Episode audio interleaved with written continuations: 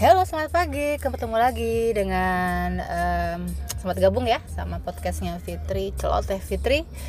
Hari ini hari Jumat tanggal 25 Oktober 2019. Uh, ini aku ngerekamnya dalam perjalanan ke kantor. Don't ask when what time. Jangan tengah jangan tanya waktunya ya jam berapa ya. Nggak ketahuan. Oke, okay, so um, ngomong apa ya? Aku barusan barusan ngisi bensin. Ngisi bensin ngisi BBM bensin itu bahasa Rusia katanya ya. Oke lah BBM uh, eh, pertalite karena gak enak ya pakai premium. Itu kan subsidi ya. Uh, tapi ternyata aku lihat masih banyak sih yang ngantri premium padahal mobilnya nggak yang low end gitulah masih low end gue gue harga mobilnya nggak sampai 200 juta bo. Tapi orang-orang itu kulihat harga mobilnya udah sampai 200 juta tetap main. Tetap main. Tetap uh, ngantrinya di premium. Uh, kemarin sih sempat terungkap kenapa mereka di premium. Jadi mereka mereka bisa pakai uh, booster booster apa namanya? Kadar ini ya kadar karbon ya. Karbon ya jadi bisa lebih tinggi gitu ronnya. Ronnya bisa lebih tinggi karena pakai sesuatu deh. Aku nggak nyebutin merek mungkin dimarahin lagi ya. Oke terus nah cuman aku kemarin sempat ngobrol sama yang jualan sih jualan. Aku, aku ketemu yang jualan di mana ya? Lupa. Pokoknya itu deh. Dia ngomong kalau dia sendiri sih sebenarnya pakai pertalite. Jadi nanti dia uh, beli pertalite pakai pertalite rasa pertamax katanya. Aku bilang oh boleh lah. Tapi karena aku aktivitasnya nggak terlalu nggak terlalu yang uh, apa namanya banyak banget ya pakai mobil. Aku cuman yang uh, pulang pergi ke kantor doang paling main makan bareng kawan nggak nggak terlalu signifikan lah menurutku kalau aku pakai itu. Tapi nanti mungkin ketika aku yang bakal bolak-balik banyak lokasi ya uh, bakal pakai banyak bensin salah bensin BBM lagi. Nah kemudian aku yang bakal mulai deh uh, mengelirik yang tadi apa namanya obat kuatnya BBM Oke, okay, so apa lagi yang kita ceritain ya?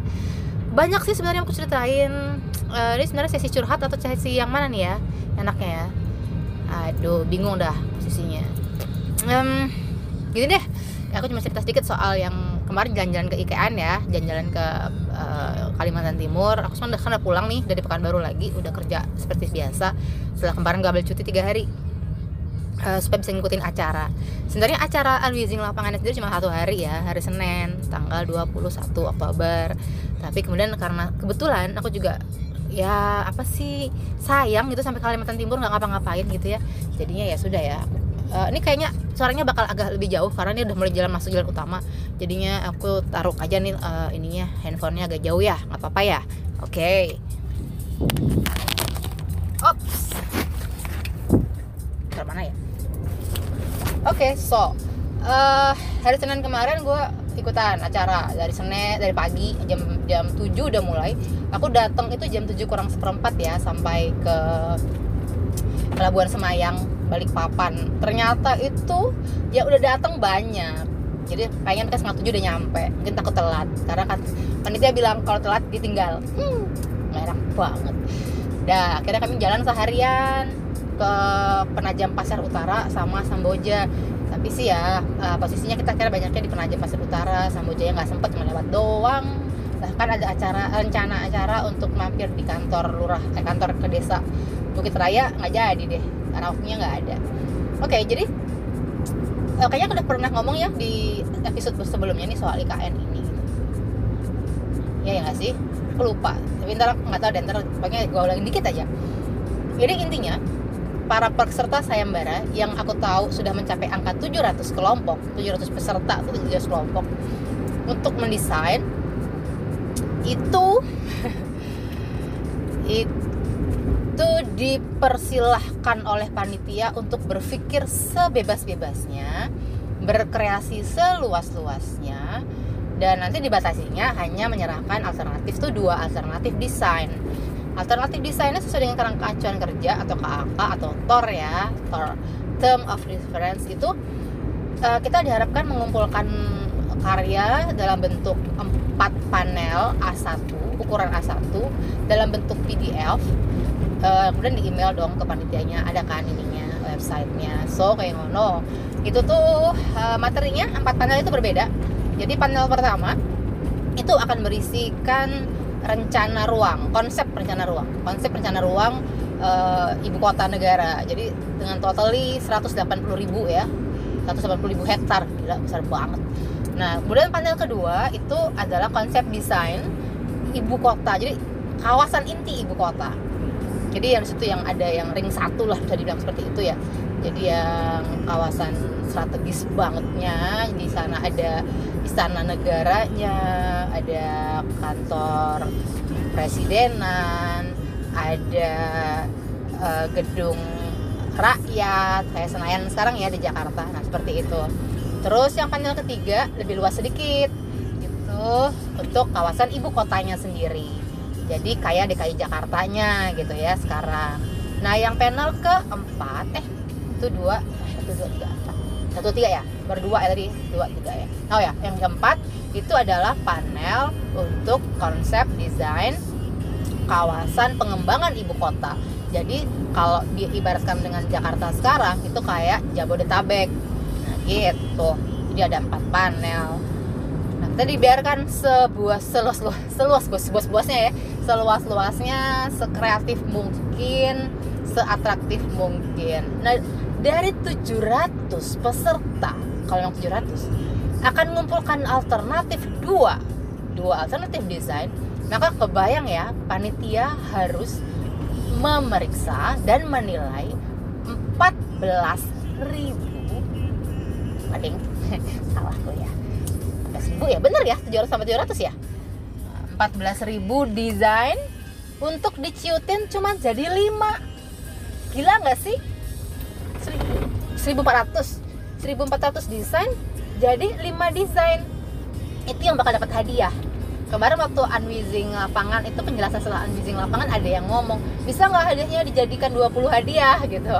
Jadi ada yang dapatnya ya paling paling 50 juta lah gitu ya. Jadi panitianya bilang no kami hanya beri 5 hadiah saja.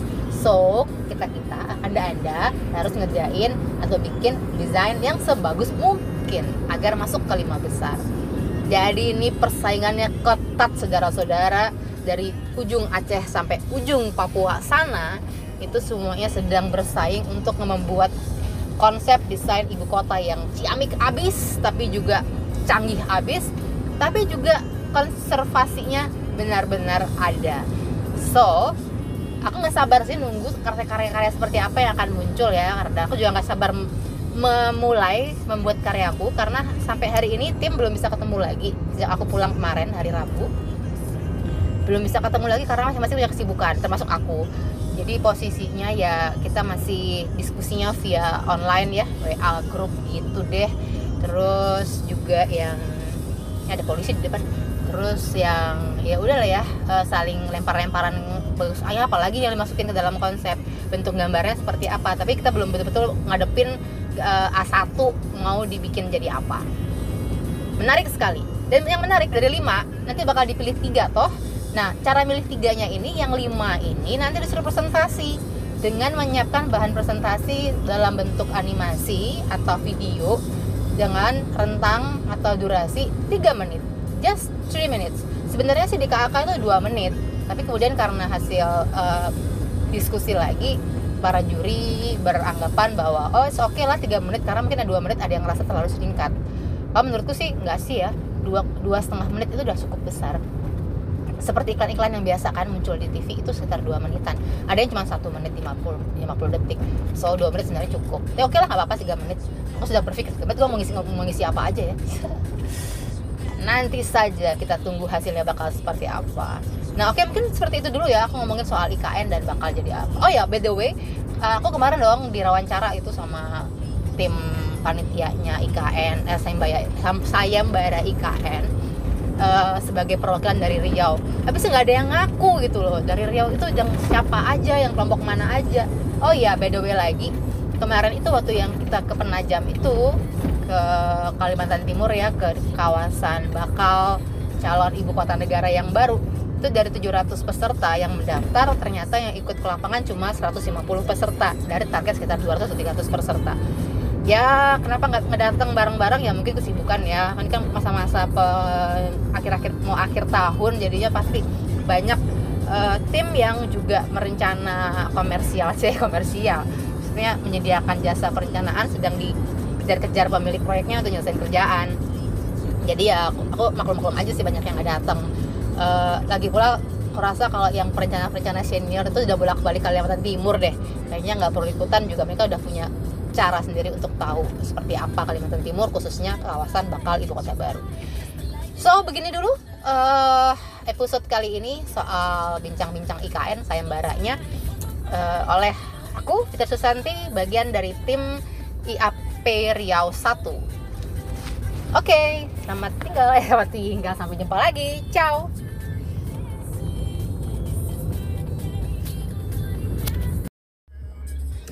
Halo, selamat pagi. Ketemu lagi dengan um, selamat gabung ya sama podcastnya Fitri Celoteh Fitri. Hari ini hari Jumat tanggal 25 Oktober 2019. Uh, ini aku ngerekamnya dalam perjalanan ke kantor. Don't ask when what time. Jangan tengah jangan tanya waktunya ya jam berapa ya. Nggak ketahuan. Oke, okay, so um, ngomong apa ya? Aku barusan barusan ngisi bensin. Ngisi bensin ngisi BBM bensin tuh bahasa Rusia katanya ya.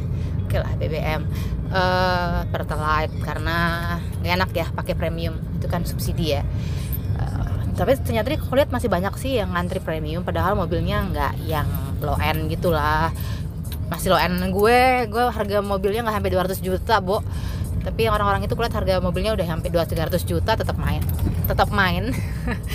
Tetap uh, ngantrinya di premium. Uh, kemarin sih sempat terungkap kenapa mereka di premium. Jadi mereka mereka bisa pakai uh, booster booster apa namanya? Kadar ini ya kadar karbon ya. Karbon ya jadi bisa lebih tinggi gitu ronnya. Ronnya bisa lebih tinggi karena pakai sesuatu deh. Aku nggak nyebutin merek mungkin marahin lagi ya. Oke terus nah cuman aku kemarin sempat ngobrol sama yang jualan saya jualan. Aku, aku ketemu yang jualan di mana ya lupa. Bang itu deh. Dia ngomong kalau dia sendiri sih sebenarnya pakai pertalite. Jadi nanti dia uh, beli pertalite pakai pertalite rasa pertamax katanya. Aku bilang oh boleh lah. Tapi karena aku aktivitasnya nggak terlalu nggak terlalu yang uh, apa namanya banyak banget ya pakai mobil. Aku cuman yang uh, pulang pergi ke kantor doang paling main makan bareng kawan-kawan nggak nggak terlalu signifikan lah menurutku kalau aku pakai itu. Tapi nanti mungkin ketika aku yang bakal bolak-balik banyak lokasi ya uh, bakal pakai banyak bensin salah BBM lagi. Nah kemudian aku yang bakal mulai deh uh, yang tadi apa namanya obat kuatnya BBM Oke, okay, so apa lagi yang kita ceritain ya? Banyak sih sebenarnya aku ceritain. Uh, ini sebenarnya sesi curhat atau sesi yang mana nih ya? Enaknya ya. Aduh, bingung dah posisinya. Um, gini deh, aku cuma cerita sedikit soal yang kemarin jalan-jalan ke IKN ya, jalan-jalan ke uh, Kalimantan Timur. Aku sekarang udah pulang nih dari Pekanbaru lagi, udah kerja seperti biasa. Setelah kemarin gak ambil cuti tiga hari uh, supaya bisa ngikutin acara. Sebenarnya acara unleashing lapangan sendiri cuma satu hari ya, hari Senin, tanggal 21 Oktober.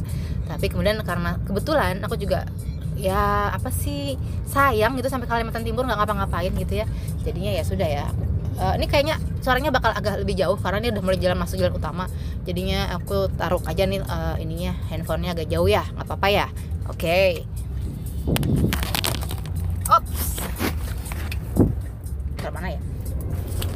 Okay, so uh, hari Senin kemarin gue ikutan acara. Dari Senin dari pagi jam jam 7 udah mulai.